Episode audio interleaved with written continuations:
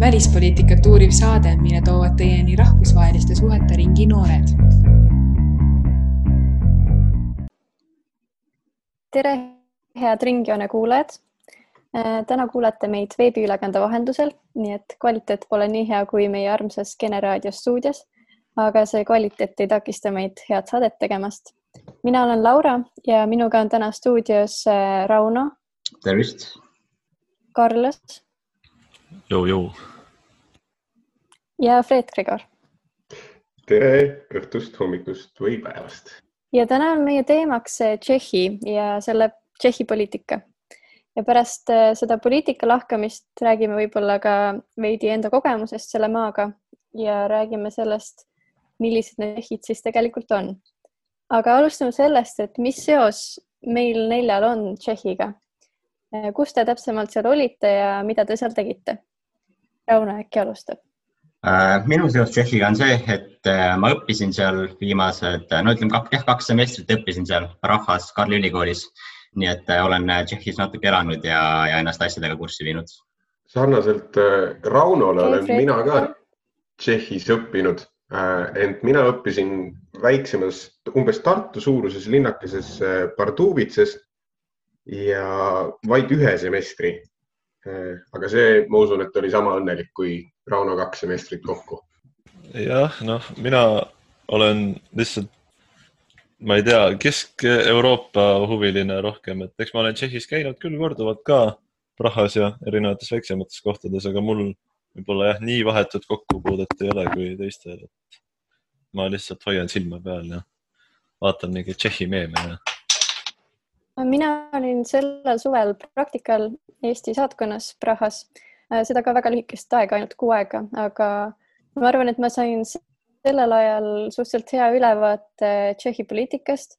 aga samal ajal ma ikkagi suhtlesin enamasti ainult nende eestlastega, kes saatkonnas olid ja mõne välismaalasega, et äh, Tšehhi kultuuriga endaga ma nagu väga kokku ei puutunud, aga just selle poliitilise poolega ja väga huvitav kogemus oli.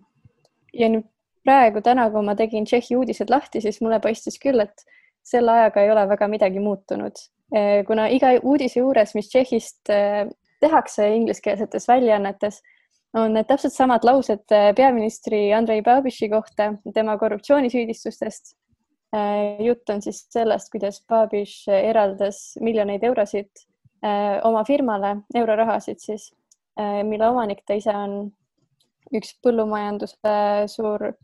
konglomeraat ja Babiš on ühtlasi üks kõige rikkamatest inimestest Tšehhis. Äh, kõik need teemad tundub, et, et on nagu jäänud täpselt samaks.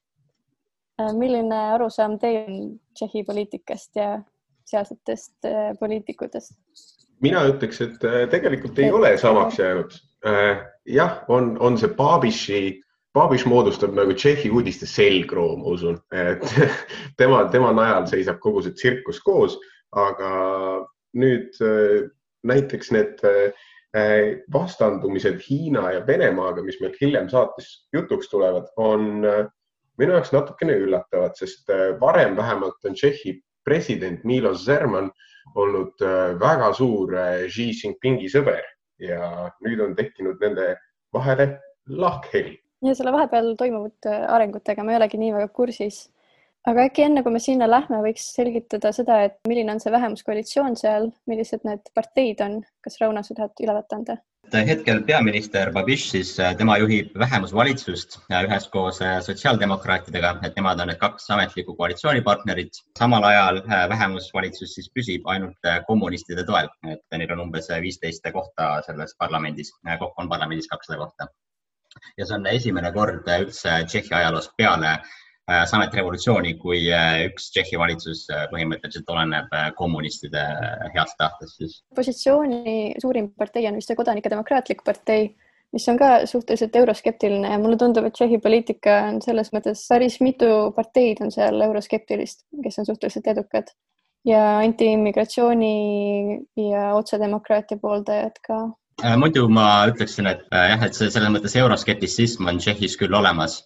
aga peaministri enda partei, see anno kaks tuhat üksteist, ta ei ole niivõrd euroskeptitsistlik kui näiteks ütleme, on kommunistid, et ta on niisugune üsna populistlik partei tegelikult, aga, aga samas nad on ka nagu Euroopa Liidus on nad tiimimängijad, et näiteks nad on äh, ka selles Renew Europe fraktsioonis, mis on liberaalide fraktsioon, et see on seesama, kus kuuluvad president Macron, kus kuulub näiteks Hollandi peaminister Rutte ja ka meie enda äh, peaminister Ratas. see on huvitav, et Tšehhi populism on natuke erinev, kuna mujal äh, just ka V4 riikides populism, mis on esile tõusnud viimastel aastatel, on väga parempoolne, aga paistab, et see Ono anopopulism on selline tsentristlik pigem. Äh, jah, et äh, kui saate hil, äh, saates hiljem jõuame sellesse V4 teema, teemade juurde, et siis saab seda huvitav lahata olla, et kuidas Tšehhi siis selles V4-s suhestub. aga lähekski edasi siis Venemaa juurde, sest et see on üks huvitav teema, et milline on Tšehhi suhe Venemaaga? Tšehhi suhe Venemaaga ja. on vähemalt senimaani, ma ütleks, olnud küllalt sarnane ülejäänud äh, tšehhid küll pahandavad nüüd minu peale, kui ma ütlen ülejäänud Ida-Euroopaga, sest nad ise peavad ennast siiski Kesk-Euroopaks. aga kuna nemadki on äh, kahekümnendal sajandil olnud äh, kommunistliku ikke all ja sellest suure võiduga väljunud, siis kogu see vaba oldud aeg on nad küllalt ikkagi vastandanud äh, kõige kommunistlikku ja, ja, ja selle, selle jätkuga siis äh, Vene Föderatsiooni näol. ja nüüd alates äh, mõnest nädalast tagasi on need suhted Tšehhi ja Venemaa vahel läinud täiesti krussi, sellepärast et Vene Föderatsioonile on ikkagi hästi-hästi oluline kogu Nõukogude Liidu pärand ja mis Äh, Prahas otsustati teha, oli võtta ühe äh, suure Nõukogude Liidu sõjaväejuhi marssal Koonjevi kuju maha. lisaks võib-olla nii palju, et, et jah, tõesti sarnaselt äh, muud, muudele nendele postsovjetlikele riikidele, siis on, on tõesti nagu noh, seda nagu eemale triivimist märgata, aga samas äh, mõned persoonid jällegi nagu ajavad võib-olla keskmisest ikkagi natukene või on siiamaani ajanud keskmisest natukene ikkagi venemeelsemat poliitikat. et äh, minu meelest tegelikult juba isegi see fakt, et neil on äh, kommunistlik partei parlamendis esindatud, on, on nagu mõnes mõttes kõnekas, et noh, Eestis meil näiteks seda ei ole. samuti president praegune siis, kes, kellest juba ka räägiti.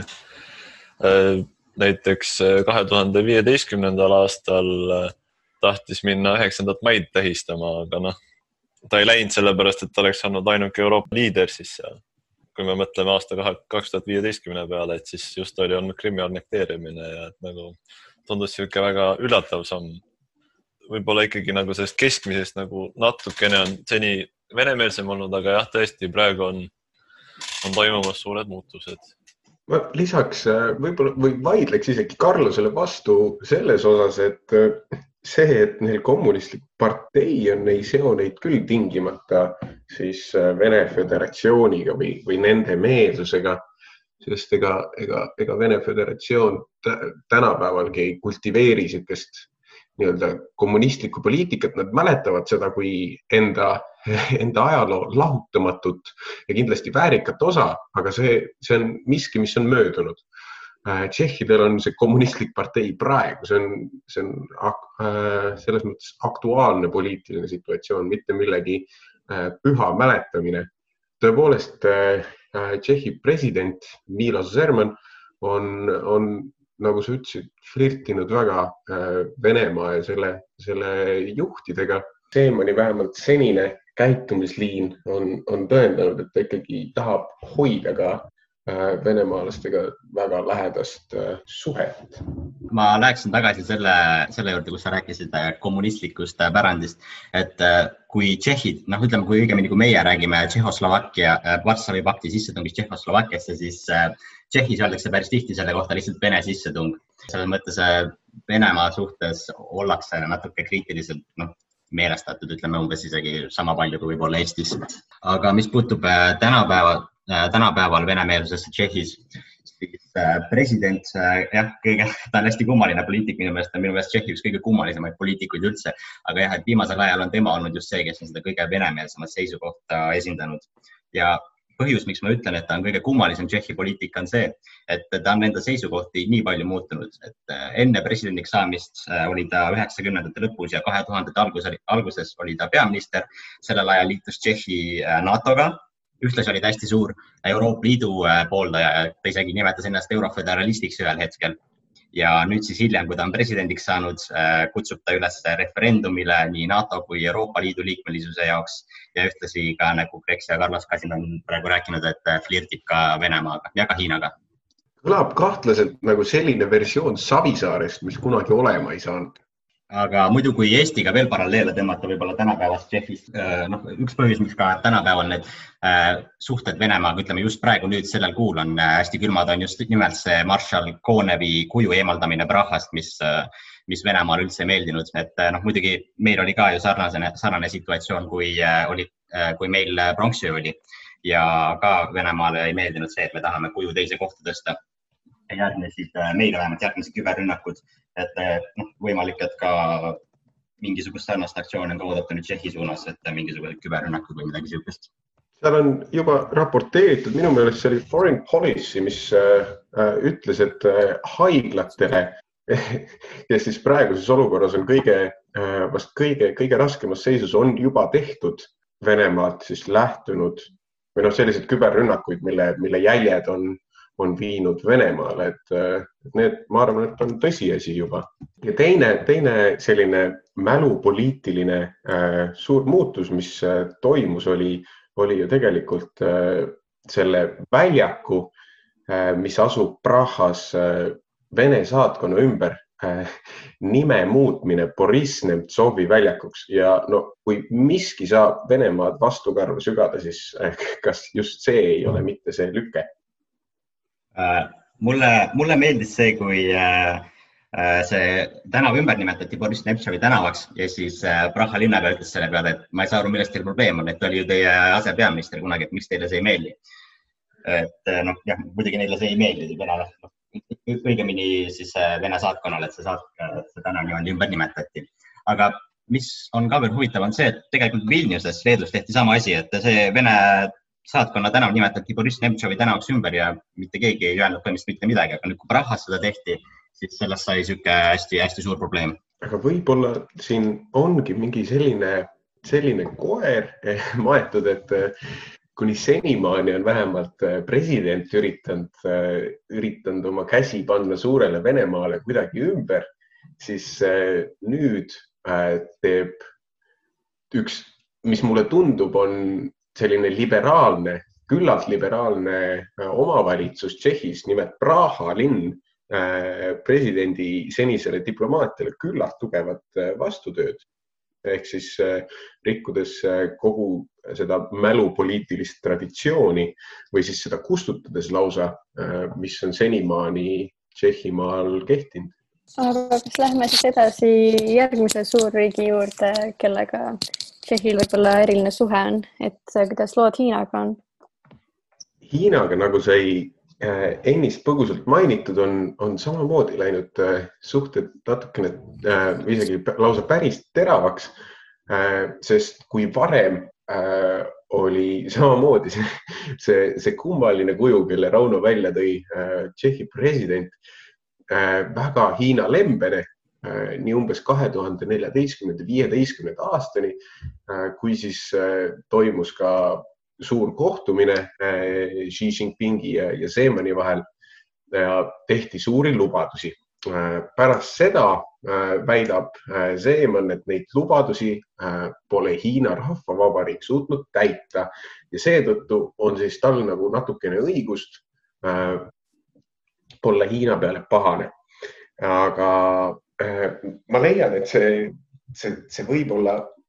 äh, see lubaduse murdmine ei ole ka äkki nii suur roll. Äh, poliitika, politoloogia tudengid võib-olla oskavad seda natuke paremini kommenteerida kui mina. aga ma usun, et see, kuidas Hiina on vaikselt salamisi tunginud oma, oma pehme võimuga sisse Tšehhisse, nagu ta on tunginud ka Lõuna ja teistesse Ida-Euroopa riikidesse. see on ajanud äh, tšehhidel natukene karvad turri ja sellepärast siis distantseerutakse võib-olla Hiinast praegu. jah, see on tõesti kummaline, et Hiina et Hiina on võrdlemisi vähe investeerinud Tšehhisse, et ta naaberriikidesse on ta umbes mingi kolm-neli korda rohkem investeerinud, aga Tšehhisse palju vähem. ja jah, et kui president äh, on siis äh, Hiinaga sellist äh, diplomaatilisi suhteid arendanud eesmärgiga, et Hiina siis investeeriks sama palju ka neile ja seda ei teinud, siis president Seemaa nii-öelda solvus.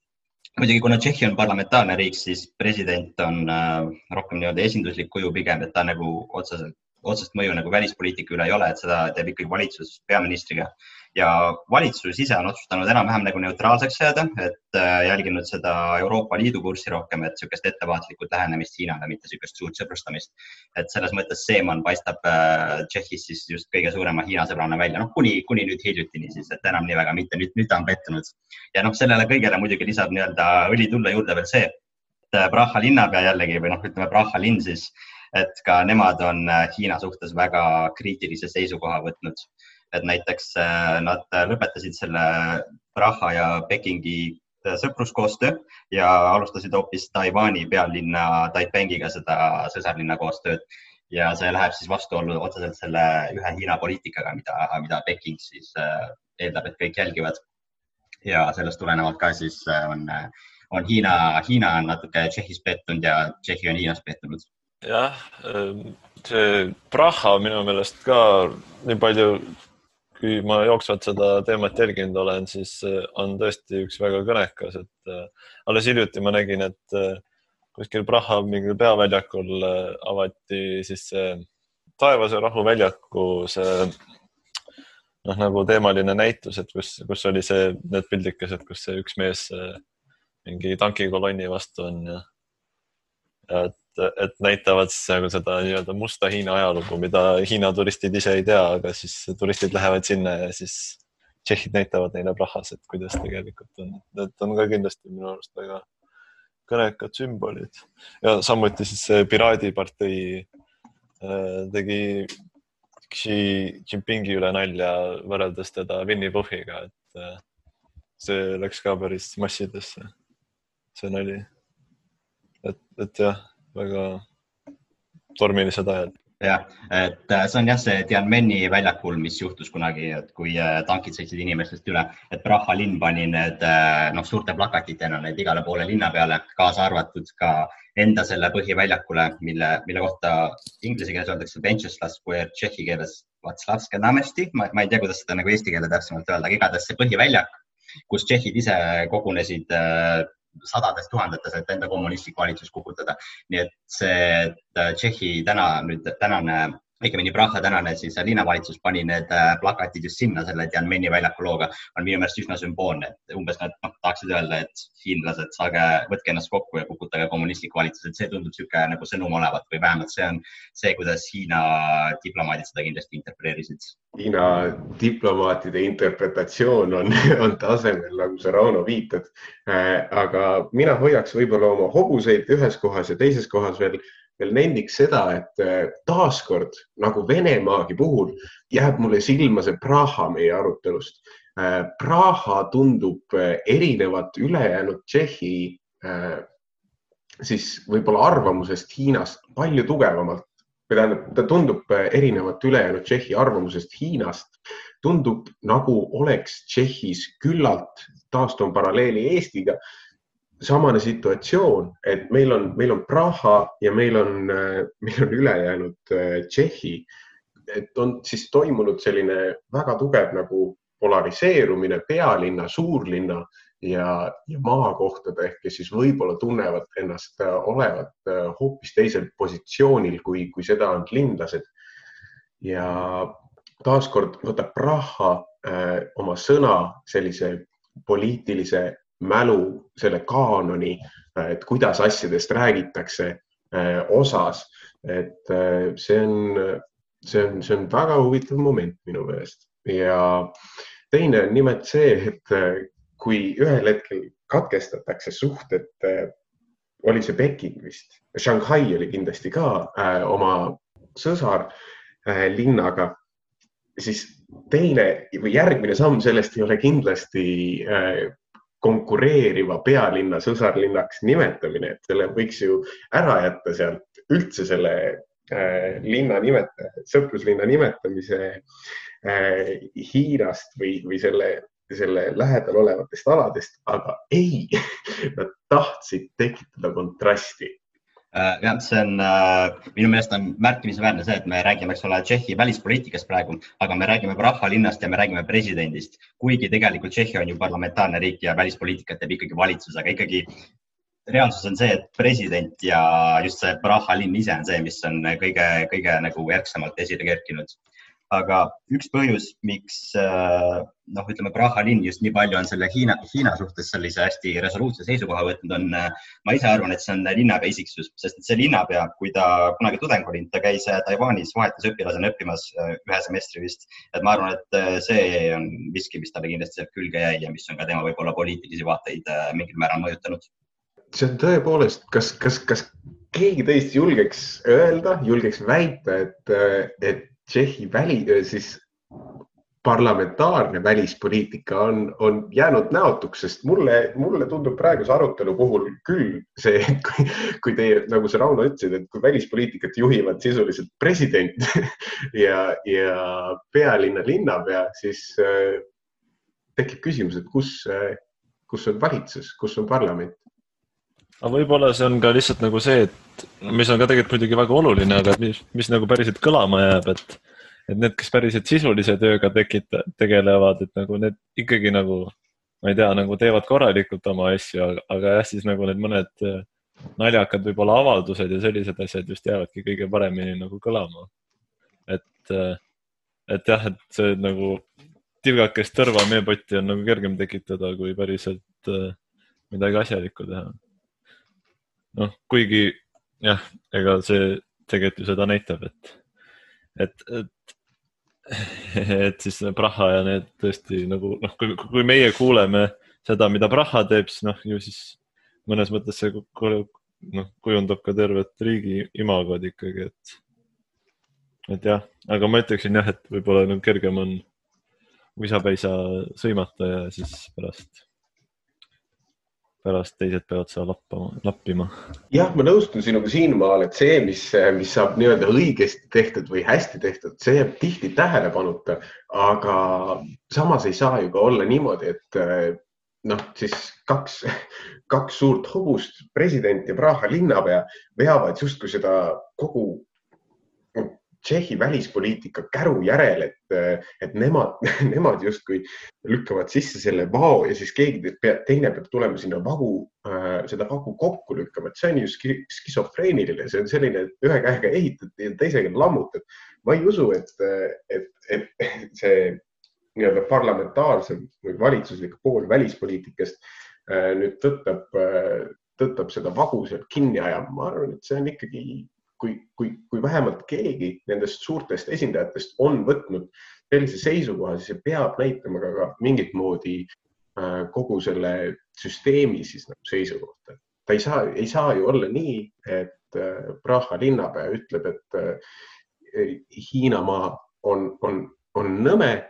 siis natukene ja et teised arvavad hoopis vastupidi, aga kuidas siis tekkis see olukord, et Praha linnapea sai üldse nii öelda? Ja ma tegelikult jah, ma enne mainisin ka seda, et see Piraadipartei, mis on suuruselt eh, kolmas siis erakond eh, Tšehhis, et nad ka tegid oma sotsiaalmeedia postituses ju selle üle nalja, et kuidas Xi Jinping näeb välja nagu Winny Puhh, et, et, et noh, vähemalt siis üks parlamendierakond on ka nagu teinud mingi sellise, ma ei tea, avalduse või asja, et, et see tuli ka täpselt selle peale, kui see oli see äh, sõpruslinnade nagu tuli, et, et siis nad nagu astusid ka nagu Praha kaitseks pigem välja, et siis noh, tundub, et nagu teised ka vaikimisi ikkagi arvavad võib-olla tõesti niimoodi, aga lihtsalt ei, ei ole nii häälekad. Äh, ma mõtlen võib-olla, et või ehk üks põhjus, miks äh, Praha linn just on sellise nii, nii, niivõrd esile tahtnud kerkida, on äkki see, et äh, noh, ta on ju linnapea üldiselt hästi kõrgele profiilile nüüd tõstnud, et on hästi populaarseks muutunud, et võib-olla lihtsalt äh, erakond siis kasutab seda enda populaarsuse tõstmiseks, et kunagi tulevikus parlamendivalimistel siis rohkem äh, suurema häälesaagi saada ja võib-olla ka valitsusse saada või, või mingit tähtsa ministri kohta saada või miskit niisugust. ja võib nii olla küll, see on täitsa, täitsa usutav mõttekäik aga noh, see, see tundub olevat siis, kui see peaks nii olema äh,, nagu sa just ütlesid, Rauno, siis see on üks äh, Tšehhi kindlasti suurimaid poliitilisi ettevõtmisi, sellepärast et nagu me senimaani oleme arutanud, siis vastandutakse Hiinale ja Venemaale. No come on, kes sa kujutad ennast olevat, kas sa oled Ameerika Ühendriigid, et sa võtad sellise seisukoha, kus sa hakkad äh, vastanduma suurimale eksportijale tänapäevases maailmas ja põhimõtteliselt äh, kõige suurem, kõige suurema ebastabiilsusega riigile, kellest sa ei tea mitte midagi oodata. see on, see on üks väga-väga julge ettevõtmine ja kui ta tõesti teeb seda ministrikoha või, või suurema hulga parlamendikohtade pärast, siis äh, au ja kiitus sellele mehele, et ta riskib. jah, et äh, kes ei riski, see šampust ei joo. see võib olla natuke no iseloomustab Tšehhi, Tšehhe võib-olla üldisemalt, sest et äh, noh, et ma ei tea, minu arvates on nagu Tšehhid üldiselt siuksed suht kõikpäised inimesed, kes tahavad nagu enda asja ainult ajada, nii et see, et nad nagu Venemaale ja Hiinale vastanduvad äh, nagu päris hästi läheb sellega kokku. võib-olla läheb isegi selle Visegradi nelik, neliku teemaga kokku, et äh, jah, minu, minu kogemus oli, oli sarnane ja ma usun, et me jõuame, jõuame sellest kõikpäisuse kogemusest, kogemusest rääkida. kas Carlos äh, räägib sellest, et mis selle Visegradi neliku point üldse on ja, ja kes sinna kuuluvad, kust see üldse alguse sai? Visegradi grupp siis sai alguse kohe pärast seda, kui äh, raudne eesriie oli langenud.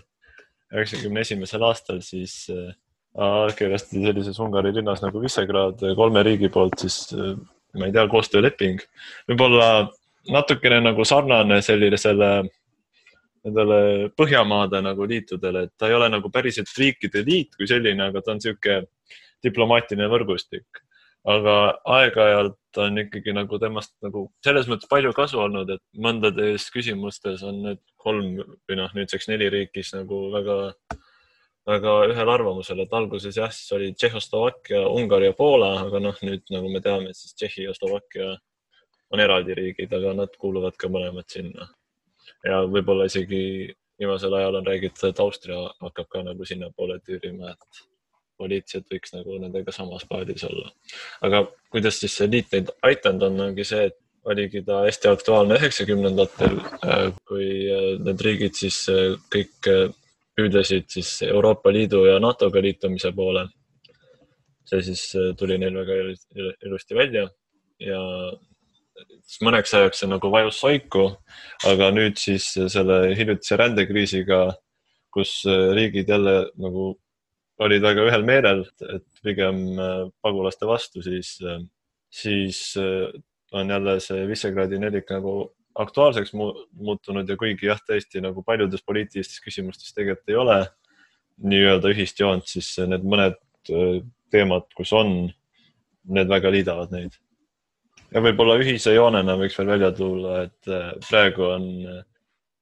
põhimõtteliselt kõigis nendes riikides võimuladvikus populistid et see on ka võib-olla huvitav nähtus, et küll tõesti mõnes on vasakpopulistid ja mõnes on parempopulistid, aga ikkagi populistid. et see näitab ka mingit. minu meelest küll jah, vähemalt äh, hiljuti vähemalt, vähemalt hiljuti veel oli. kas te ei arva, et need Poola ja Ungari kuidagi sammuvad natukene oma suunas siin nelikus? no eks, eks see ongi niimoodi, et noh, ega see, et kui sul on ühine nagu see ma ei tea, formaat või kuidas iganes, kõige õigem oleks see Visegradi neliku kohta öelda, et siis äh, mõned riigid saavad nagu kindlasti võib-olla nagu veel paremini läbi, et noh, kui olid näiteks need kohtureformid, siis äh, ja ähvardati Poolalt äh, hääleõiguse äravõtmist. kui ta need läbi laseb, siis, siis Ungari lubas kõik sellised asjad vetostada, mistõttu nagu ei, ei oleks nagu Poolale liiga saanud teha ja tõesti noh, et ei tea, et teised oleks mingi sellise, noh, ma ei tea, avalduse teinud, et, et, et osad riigid saavad ikka nagu omavahel paremini läbi kui teised. aga, aga jah, nagu ma mainisin, et siis tegelikult rändeküsimused, nad olid enam-vähem ühte meelt ja sellised äh, teemad tegelikult liidavad neid ma ütleksin, et äh, see rändeküsimus oligi see, mis selle V4 nagu uuesti esile üldse tõi, et enne seda ta, ta nagu oli olemas, aga samas ta ei olnud nagu mitte mingisugune niisugune väga oluline. aga just jah, see rändeküsimus oli see, mis neid kõiki üheks liitis. üldiselt see V4, nad pannakse nii-öelda Euroopa, Euroopa Liidu pahapoiste, pahapoiste klubisse, aga tegelikult minu arvates vähemalt on nende sees nagu siuksed lõhed olemas, sest et jah, et on Poola ja Ungari, kes on omavahel nagu hästi suured sõbrad ja kes on lubanud ennast näiteks äh, selle kohtu, kohtuasja eest kaitsta aga samas Tšehhi ja ka Slovakkia ajavad nagu täiesti enda asja, et nad ei ole nagu selles kohtuküsimuses üldse mingisugust seisukohta võtnud. huvitav on minu meelest see, et äh, nad küll on üheksakümne esimesest aastast koos, siis nad liitusid kõik äh, Euroopa Liiduga äh, kahe tuhande neljandal aastal nagu meiegi, aga kas te teate, kui paljud neist on omaks võtnud euro? see on ainult Slovakkia. ja just niimoodi ongi ja see, see on minu meelest eh, kummaline, et teised on, eh, tunduvad olevat raiunud oma seda kohalikku valuutat kõvasti, et mitte võtta vastu eurot, aga Slovakkia siis nagu on, on alistunud Euroopa tahtele Äh, mulle endale meeldib nagu, mulle endale meeldib öelda, et see, et Slovakkia kasutab eurot, on nagu võib-olla Euroopa Liidu nagu kõige suurem müsteerium, et see on minu meelest lihtsalt kuidagi naljakas, et ta sinna on sattunud niimoodi lihtsalt. aga üldiselt ja tegelikult vist noh, Tšehhi võiks kindlasti nagu euro kasutusele võtta, et neil selles mõttes probleemi ei oleks, aga siin tuleb lihtsalt minu meelest see natuke Tšehhi mentaliteet natuke mängu, et kus ollakse nagu üsna kõikpäised ja lihtsalt öeldakse, et me ei taha uusi asju sellepärast, et me ei taha uusi asju. Ja siis kasutatakse enda vana valuutat edasi noh, see on muidugi nagu, nagu natukene ju rumalus, et kaheksakümne üheksandal aastal nõustuti, et tahetakse ühte uut asja, ühte suurt uut asja ja pärast seda ei ole enam ühtegi muud asja vaja. see on, on, on minu meelest kummaline, kõigis riikides on vähemalt siin äh, inimarengu indeksi järgi väga hea ka elada ja nad on nii mõnusalt kokku pakitud nii et see Austria kaasamine, Austria siis kirdeots jääb täpselt niimoodi Tšehhi, Slovakkia ja Ungari vahele. mina näen, et Austria, Austria võetakse ka varsti punti küll.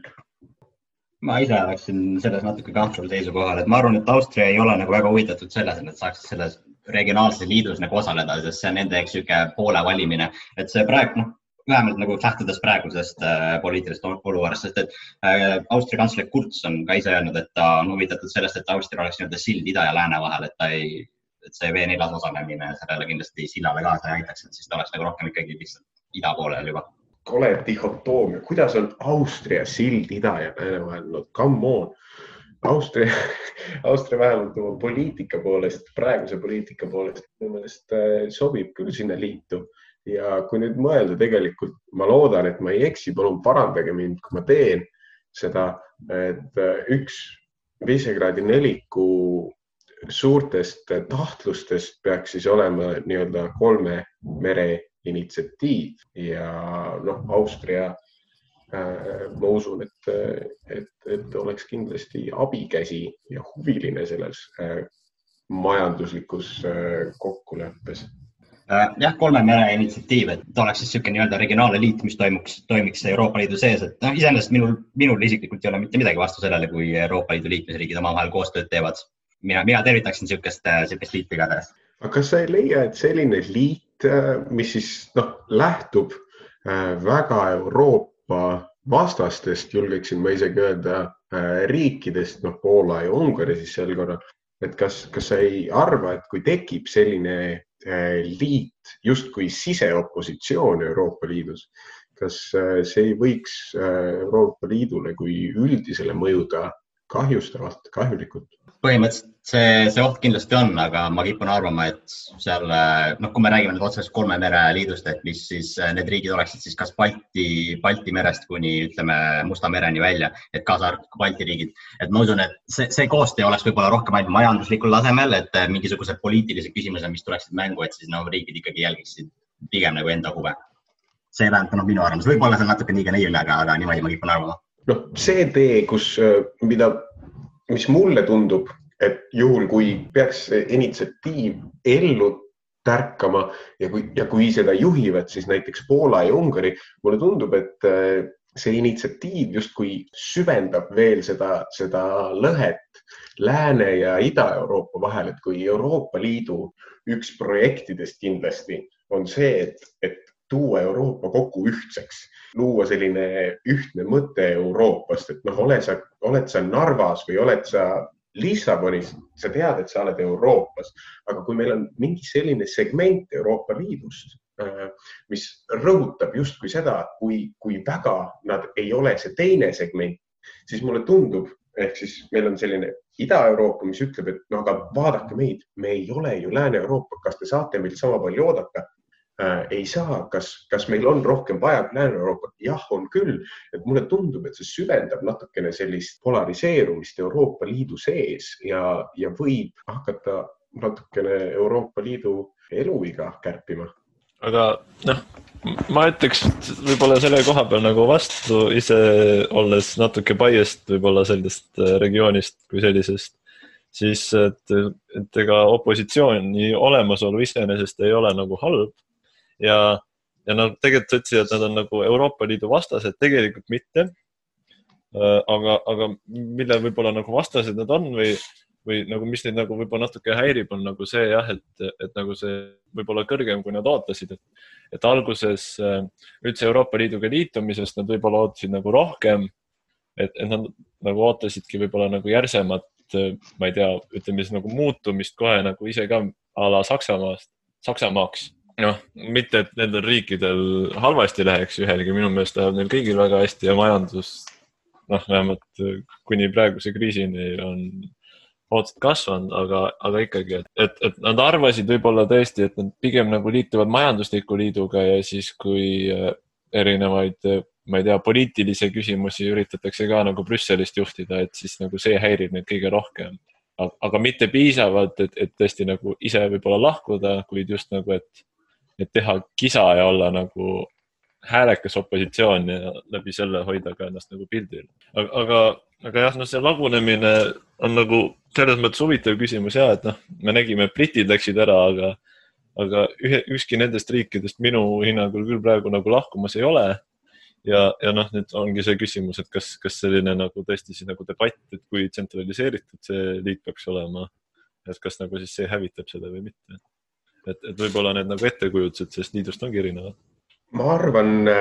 et nende ettekujutused või kõigi Euroopa Liidu riikide ettekujutused Euroopa Liidust on kindlasti erinevad ja äh, üks, mida ma ei tahtnud väita, on see, et äh, keegi neist neljast äh, tahaks lahkuda äh, Euroopa Liidust. no kujutame ette, Tšehhi läheb Euroopa Liidust välja, kellega, kuidas ta korraldab kõik oma majanduslikud suhted, ta on Euroopa Liidu sees, noh, ta on piiratud Euroopa Liidu riikidest. väljaminek, lahkumine oleks üüberlollus äh, nende poolt. mis mina tahan väita, on see, et nad äh, lähevad justkui selle Euroopa Liidu mõttega kaasa senikaua, kuni nad on saavutanud piisava jõu siis oma, piisava suuruse oma positsioonil, kõik need Visegradi neliku äh, riigid ja kes nendega tahavad kaasa tulla, kuni selleni, et nad konstrueerivad selle liidu kuidagi ümber või siis teevad oma hoopis mingi teise liidu, mis ületab kogu Euroopa Liidu nii-öelda seadusandluse. aga kas liit on väärtus omaette, et seda hoidma peaks, kui eh, selle liikmed ei ole õnnelikud selle praeguse töötamise osas? Ei, kohe kindlasti ei ole, aga ma näen, et kui, kui on käidud välja mõte, eh, mida teostada, eh, siis võiks seda vähemalt noh, proovida, et meil on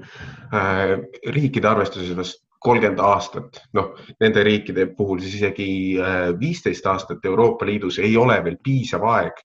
näitamaks, et, et see, see teeots kohe kindlasti kuhugi ei vii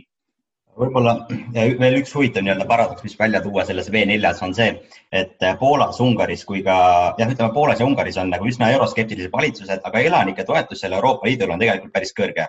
Slovakkias on samamoodi, aga Tšehhi erineb siin selles mõttes, et nende valitsus on vast kõige vähem euroskeptilisem, et nad on noh, selles mõttes peaministri partei on ju liberaalide fraktsioonis, mis on hästi väga, väga eurosõbralik. et nagu Tšehhis on kõige eurosõbralikum valitsus nendest V4 riikidest, aga rahvas on kõige eurovastase nii-öelda, sest et Euroopa Liidu toetus on seal nagu võrdlemisi madal, et seal mingi neljakümne protsendi kandis, vahel isegi nagu väiksem, et oleneb muidugi, millist seda arvamusküsitlust vaadata. et see on niisugune huvitav, et see minu meelest ka läheb nagu veits kokku sellega, mis ma, mis ma enne ütlesin selle tšehhide kõikpäisuse kohta, et see on ka, et äh, noh, et me ei taha Euroopa Liitu sellepärast, et me oleme tšehhid ja meil ei ole vaja mingit Euroopa Liitu, et see on nagu see võib-olla loogika või mentaliteet, mis selle taga peitub. jah, aga ega võib-olla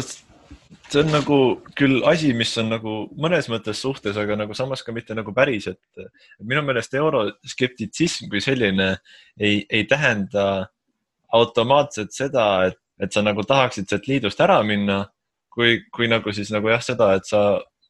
ma ei tea, oled äh, kriitiline, kui äh, kuskil Brüsselis tehakse otsused, mis on,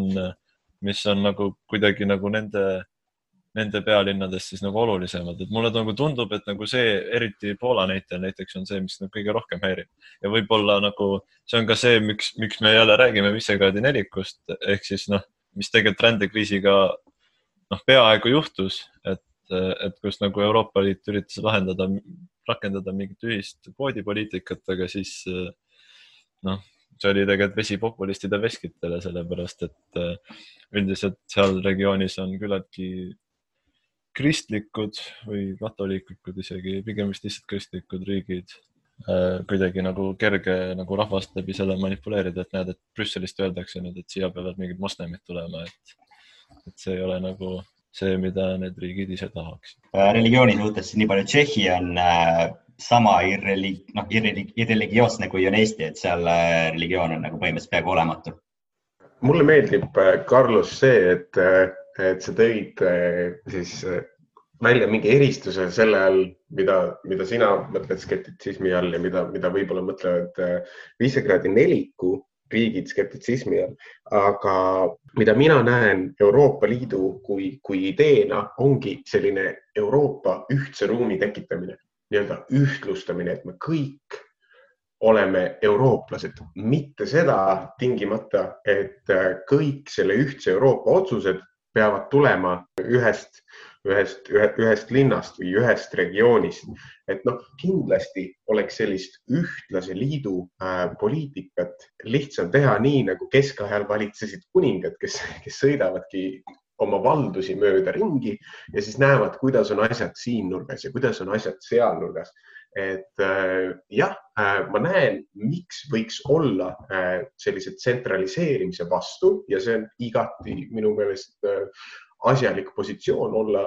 liiga tugeva tsentraliseerimise vastu. küll aga ma ei näe põhjust sellel, miks ajada sõrgu vastu võib-olla sellise ühtse Euroopa ühtse eduka ja viljaku majandusruumi vastu, ühtse ja eduka poliitikasüsteemi vastu, äh, mis näiteks rõhutab inimõiguste olulisust, see jääb minu jaoks mõistmatuks ja see jääb minu jaoks nagu natukene häirivaks kogu selle Visegradi neliku puhul. ma tahtsin tegelikult selle aspekti ka veel välja tuua, et võib-olla nagu nagu lisaks siis sellele, et, et otsuseid tehakse Brüsselist, häirib või ma ei tea isegi, kas, kas häirib on õige sõna, aga, aga et jällegi eriti Poola näitel ma märkan nagu mingit vastumeelsust ka nagu, ma isegi ei oska seda kuidagi nagu paremini formeer, formeerida jah, kui Saksa rahale. et tegelikult väga noh, samamoodi Tšehhi on väga nagu seotud Saksamaaga just nagu majandusest. minu meelest Saksamaa on nende see suurim nagu siis kaubanduspartner mahtude poolest. ja jah, see, et kui palju on Saksamaa teinud igasuguseid investeeringuid ja kui palju tegelikult sakslased omavad nendest mingitest firmadest ja asjadest, mis tegutsevad nendes riikides ja kui palju nad ka sealt iga, ise siis nagu vahelt seda nagu kasu lõikavad. et, et ka nagu võib-olla majanduslikus mõttes nagu, et ka see on nagu üks asi, mis neid nagu närve ajab et, et, et mingid sakslased siin tulevad oma suure rahaga ja siis äh, lõikavad meie inimeste pealt kasu.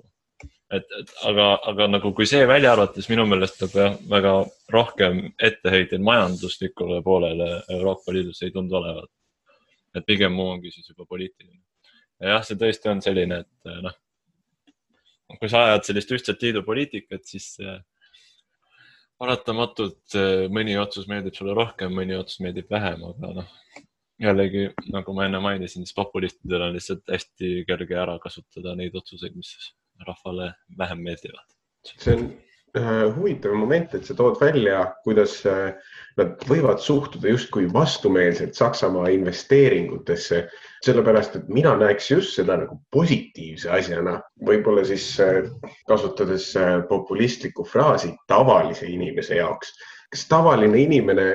mõtleb selle peale, kust see tema raha pärit on? ma ei usu, kui see on Saksamaalt pärit, väga hea, peaasi, et see raha on olemas. Aga kui me hakkame vaatama sellist eliidi positsiooni, siis võib-olla tekib nii-öelda vastuseis sellele, et kuulge, aga miks sakslased investeerivad meile, miks me ise ei investeeri, miks me ei kaasa oma äh, sõp sõbrariikide Poola äh,, Ungari raha, eks ju. et äh, mina näen küll, et Tšehhi inimesed näiteks äh, lõikavad sellest suurt kasu ja nad võiksid olla justkui hüvalt meelestatud selle suhtes, et Saksamaa neisse investeerib. Kuigi noh, see muidugi läheb sinna teatavasse ekspluateerimisse välja, aga ikkagi, kui inimesed on, on, on rahul sellega, et neil on raha, siis see on parem situatsioon. Võib-olla kui see, kui inimesed on, on rahul oma poliitikaga, aga neil ei ole üldse vahendeid. Noh jah, seal re regioonis lihtsalt on äh, selline asi hästi aktuaalne nagu rahvuslik uhkus, et päris pikka aega nüüd, kui lähiajalugu välja arvata, on ikkagi paljud nendest, ma ei tea, riikidest olnud Euroopa igasugused kultuurikeskused ja mis kõik veel, et, et see jällegi mentaliteet minu meelest tuleb hästi, hästi poolakatel nagu välja, et nagu kui, kuna nad ongi nagu nii uhked, siis ka nagu selles mõttes see nagu riivab neid, et noh, okei okay,, et tõesti on nagu ilus renoveeritud kauplus, aga no kurat, miks ma ei võiks mingi Poola kauplusesse minna, et miks ma just sinna Saksamaasse pead minema. et, et mulle tundub, ja ma nagu jään oma väite juurde, et, et see nagu mõnes mõttes kindlasti nagu häirib neid, kui, kui nagu suur see nagu osa just nagu kuulub igast Saksa ettevõtetele nende turgudest. ja, ja, ja noh, selle põhiline asi, miks ongi siis see rahvuslik uhkus jah, et nad võib-olla nagu näevadki seda ekspluateerimist ja nii-öelda enda nõrgemana ärakasutamist selles. noh, kuigi meie võime siit öelda, et nagu objektiivselt on see hea neile mina sinu viimasele väitele nüüd alla ei kirjutaks just, et selline rahvus, rahvuslikul uhkusel põhinev ärakasutamise täheldamine on, on, on siis nagu objektiivselt täheldatud, aga ma võib-olla ütleks Visegradi nelikule, et kuna, kuna te mõistate, et teie, teie pealinnad võib-olla on olnud et tähendab, kuna te mõistate, kui te mõistate, et teie pealinnad on olnud äh, Euroopa kultuurikeskused, siis mõistke seda, et need on olnud, mitte enam ei ole. ajad muutuvad, äh, neelake alla oma uhkus ja liigume edasi. aga lähme siis äh, kultuuri juurde edasi. jätame poliitika taha ja mis on need esimesed tunded või mõtted, mis tulevad pähe, kui te mõtlete oma ajale Tšehhis? No minul, ütleme, minul on võib-olla niisugune tudengikogemus, et minule tuleb meelde kohe see õllekultuur seal, mis on nagu hästi-hästi popp ja mis minule nagu isiklikult meeldis. aga võib-olla Rexil on mingid teistsugused arvamused. ma olen äh, Raunoga nõus, see on hea, et sa tõid kõige tähtsama asja esimesena välja, aga kui ma hakkasin varuvarianti mõtlema, siis mulle tuli kohe see meelde, et äh, niipea kui ma sõitsin äh, Prahast välja Äh, siis kõik inimesed kaotasid inglise keele oskuse. Pardubitses oli küll seda tunda, kui ma läksin isegi ülikooli linnakus asuvasse kirjatarvete poodi. Äh, ma läksin kausta otsima endale inimesed ei saanud minust inglise keeles aru, ma ei osanud toona veel ka piisavalt tšehhi keelt, et neile asjad selgeks teha ja siis me pidime leppima äh, käte ja kehakeelega see on äh, minu arvates üks osa nii-öelda sellest Tšehhi eripärast, et äh, inimesed nagu ütleme, võib-olla noh, natuke vanem, nooremad ikka räägivad inglise keelt, aga ütleme, üks siuksed äh, vanemad inimesed, et nemad nagu põhimõtteliselt inglise keelt ei räägi, et nad ootavad, et sa räägid tšehhi keeles kasvõi natukene. ja, ja et mul endal oli ka see, et ma elasin ühes ühikas kus noh, Eestis, kui me käime siin ühikates, eks ole, kui ma elan ühikas, siis äh, seal on äh, nii-öelda personal, kes alati räägib inglise keelt, et see on nagu, see on nagu must have, et see lihtsalt peab olema. aga Tšehhis on nagu täiesti tavaline, et seal keegi inglise keelt ei räägi ja kuidas sa hakkama saad, on lihtsalt Google Translate ja kätekeel, et see inglise keelega pole mõtet midagi loota ja mul oli ühikas sama üritad neile seletada, siis ma tihti tirisin mõne, mõne tuttava Tšehhi endale kaasa, et palun tee neile selgeks, mida, mida nad minult või tee, tee mulle selgeks, mida nad minult tahavad või, või et mida mina äh, neilt äh, ühika töötajatelt tahan, see on täielik kurioosum. Nad peavad ennast väikerahvaks äh, keset Euroopat. väike rahvas, aga nad, nad ei, nagu ei raatsi suurt ühtegi suuremat keel, äh, keelt ära õppida? mul oli küll suht vastupidine kogemus, kuna ma olin seal väga priviligeeritud kesklinnas Prahas, elasin ka seal äh, samas kohas, kus saatkonnad olid seal Maalastranas. Äh, nii et seal küll poeomanikud kõik oskasid ilusti inglise keelt, aga jah, kui natuke väljapoole minna, siis sain küll aru, et, et ei ole ikka üldine pilt selline ja need üksikud tšehhid, kellega ma tuttavaks sain ka, olid ikka väga kidurad oma keelega mul nagu tekkis niisugune küsimus, et ma olen ise seda Kas inglise keele. rohkem. ja saksa keel on just see, mida seal nagu räägiti, et vene keelt võib-olla nagu sarnane case nagu Poolas, et nagu põhimõtteliselt ka vene keelt ei räägita, aga saksa keel oli see, mida, millega sa võisid veel loota nagu hakkama saada, et mina, mina enda hästi natukese saksa keelega sain, sain ka seal kuidagimoodi hakkama jah, saksa, saksa keel on äh,, nagu Rauno ütles, see on selline siis esimene äh, võõrkeel nende jaoks, aga, aga mina ütleks, et ka seda ei osanud niimoodi paljud. ja teine, mis on huvitav, Saksamaa on, see käis ka enne läbi siit, et Saksamaa tõesti on äh, hästi paljude selliste lühikeste töö, äh, tööotsade äh, sihtpunktiks, et üliõpilased, noh, kes, kes õpivad sügisel, kevadel, siis talvel seal jõulude ümber on neil näiteks mõni nädal vaba aeg või suvel, siis nad üritavad endale leida tihtilugu tööotsi Saksamaal, mis on paremal järjel kui Tšehhi oma majanduse poolest, et siis käia natukene aega seal Saksamaal tööl, teenida raha ja tulla siis tagasi Tšehhimaale, et edasi õppida et noh, see on jah, umbes midagi sarnast nagu Eesti ja Soome vahel. aga mis muidu Saksamaal käiks, aga tšehhid käivad Saksamaal ka veel sellel eesmärgil, et äh, lihtsalt ostlemas käia, et Praha elanikud nagu päris tihti, ma kuulsin, et nad käivad nagu Dresdenis, sest bussiga Dresdenisse on niisugune kaks tundi, sealt saab mingisuguseid odavamaid, odavama hinnaga kui Praha kuskilt, Prahas kuskilt osta neid riideid ja siis tulevad lihtsalt tagasi, et niisugune väike, väike ostutripp on ka nagu populaarne värk seal Saksamaal. oh, Praha paigutus keset Euroopat, no kuulge, see on lausa priima see on äh, tõepoolest vägev värk, kuidas, kuidas sealt äh, linnast saab igale poole, isegi kunagine RSR-i liige Kristin, äh, kes käis siis, kes väises Prahat samal ajal, kui, kui ma õppisin Portuubitses, ta ütles, et ta tuli Prantsusmaalt Flixbussiga, oli Flixbuss vist see yeah., millega Rauno ka minu teadmist mööda mm -hmm. ikkagi ringi käis, et see on päris, päris tore teenus äh, niisuguses kohas. aga mul tuli veel üks asi meelde, mis on äh, seotud sellise pendeldamise või siirdega, on see tõik, et vähemalt Pardubitsa ülikoolis äh, oli üllatavalt suur ukrainlaste kontsentratsioon ja äh, vähemalt äh, nad ise siis kõnelesid enda nimel nii, et, et Tšehhi on nende jaoks justkui esimene või Euroopa lävend siis nii-öelda, et äh, küll hästi paljud Ukraina noored tahaksid minna õppima Saksamaale, aga Saksamaal on kas kallis elada või liiga, liiga nõudvad tingimused eh, ülikooli sisseastumiseks, siis Tšehhi on just nimelt see paras koht, eh, kuhu tulla, õppida võib-olla keelgi selgeks ja siis asuda tšehhi keeles nii-öelda tasuta kohale õppima ja sealt siis juba edasi vaadata minul ka just, et äh, soodsad bussid äh, olid üllatuseks, ma läksin peale saatkonnas olemist, sõitsin Dresdenisse, olin seal natuke aega ja siis läksin Berliini, olin seal ka natuke aega veel. ma olen hästi suur Berliini fänn, ma olen seal päris mitmeid kordi käinud ja sellepärast Prahas, kui ma sinna esimest korda jõudsin, see jättis täpselt niisuguse mulje nagu odavamast Berliinist nii-öelda. aga muidugi arhitektuurselt tegelikult linn on palju ilusam kui Berliin, sest et seal on säilinud palju rohkem sellist see on rohkem seda Lõuna-Euroopa arhitektuuri hõngu, aga samas see hipsterite baarikultuur on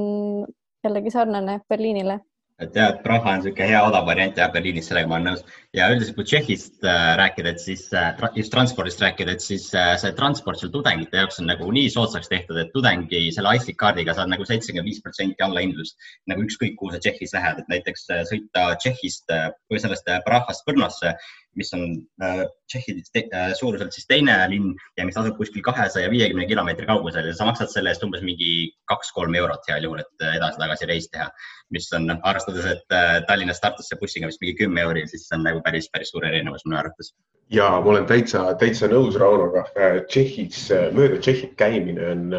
väga äh, odav kogemus siis vähemalt tudengile, kui sa suudad ennast ära põhjendada, et sa oled äh,,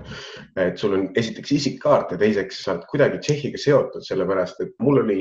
minul juhtus selline seik rongi peal äh,, võib-olla oli üks nendest kordadest, kui me Raunoga jälle jooksime päris, pärast, äh, pärast kappa sinna Praha raudteejaama. piletikontrolör tuli, küsis minu isikkaarti ja ta ütles, et see on Tartust, no seal on Tartu Ülikool peale märgitud, aga Tartu on ju Eestis. Ja siis ma kohkusin natukene, et noh, muidugi on, ma olen nõus sinuga. Ja aga siis ta üritas nagu mulle väita oma, oma inglise keeles, et, et, et see ei kvalifitseeru justkui selle Tšehhi soodustuse alla. Ja siis ma tõmbasin kiirelt tagataskust oma Pardubitsa ülikooli äh, üliõpilaskaardi välja ja kõik, kõik sujus edasi. aga, aga mis selle kõige odava transpordi taga on, tähendab, täpsem küsimus oleks isegi, kes selle taga on äh, juba läbi, korduvalt läbi käinud äh, Andrei Babiš, kes siis äh, vähemalt äh, nende tšehhide arvates, kellega ma seda teemat arutasin, katab selle suure soodustusega mingit, mingit pättusi kinni, et inimesed oleksid natukene rohkem temaga rahul. Mul võib-olla üks tähelepanek, mis terve selle aja jooksul oli, on natuke selline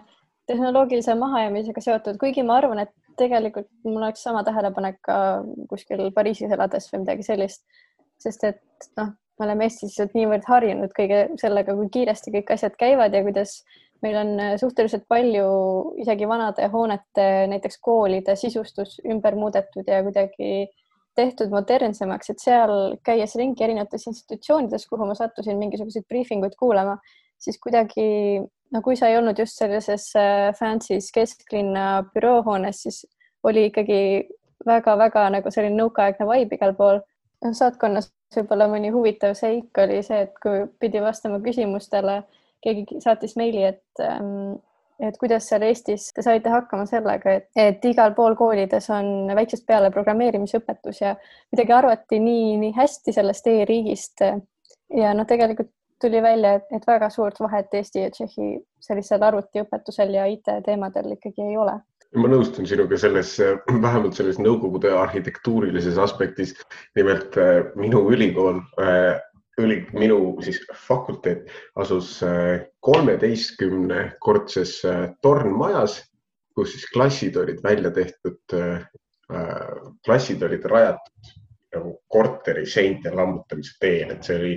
klass oli sihuke üks, üks suur korter ja noh, sealt ei puudunud ka rõdu ja see, see nägi lihtsalt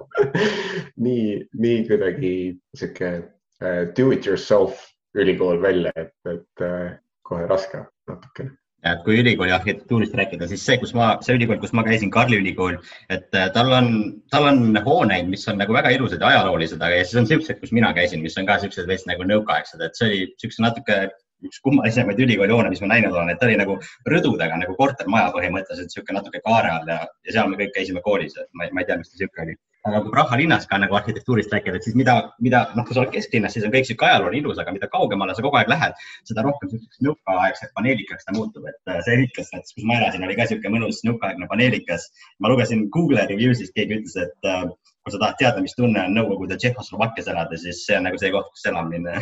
et see on nagu võttis päris hästi kokku selle. Ja üks element, äh, mis lisab minu meelest sellist idaeuroopalikkust, on, on trollid. trolle ei ole Lääne-Euroopas, trollid on näiteks meil ju Tallinnas ja trollid olid ka Kardovitsas trammid ka, trammid olid minu tõeliselt suured lemmikud seal. ja ühistransport nagu üldiselt on Prahas oli vähemalt väga hästi tehtud ja need trammid on tõesti nunnud, et need vanad on nagu nunnud ja need uued on selles mõttes head, nad on nagu hästi modernsed ja seal on hea wifi'ga. ja ma vaatan, et kui olid Europarlamendi valimised, siis ma vaatasin selle wifi't, seda ma, seda wifi't ma kasutasin striimimiseks ETV Live'i jaoks ja ma tahtsin Europarlamendi valimisi vaadata. jah, nõustun, Praha ühistransport on, on, on tasemel, sama ma ei saa väita küll Pardubitsa kohta aga selle rahva ühistranspordiga mul tuleb meelde see seik, kui me Greg sinuga käisime saatkonnas vist ja siis ma lubasin sulle, et Praha nagu ühistransport töötab nagu kellavärk, et pole, pole vaja karta, et sa hilined. ja siis tuli välja, et ei tööta nagu kellavärk ja sa helinesid ja ei jõudnud rongile õigeks ajaks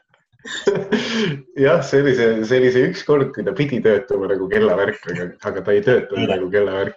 et muidu teistel juhtudel oli, oli küll kogu see, kogu transpordi jooksmine oli väga nunnu. Pardubitses seevastu, noh, seal ma läksin peatusesse trolli ootama niimoodi, et noh, eks ta tuleb siis, kui ta tuleb, et seda graafikut ei olnud mõtet Pardubitses järgida. jah, mulle vist kogu kogemusest kõige rohkem just see, see, kui keskel ikkagi see Tšehhi Euroopa Liidus on, e, et tänu sellele seal olles sain nagu, sattusin kuulama mingisuguseid inimesi, keda ma poleks kunagi muidu sattunud kuulama. filosoof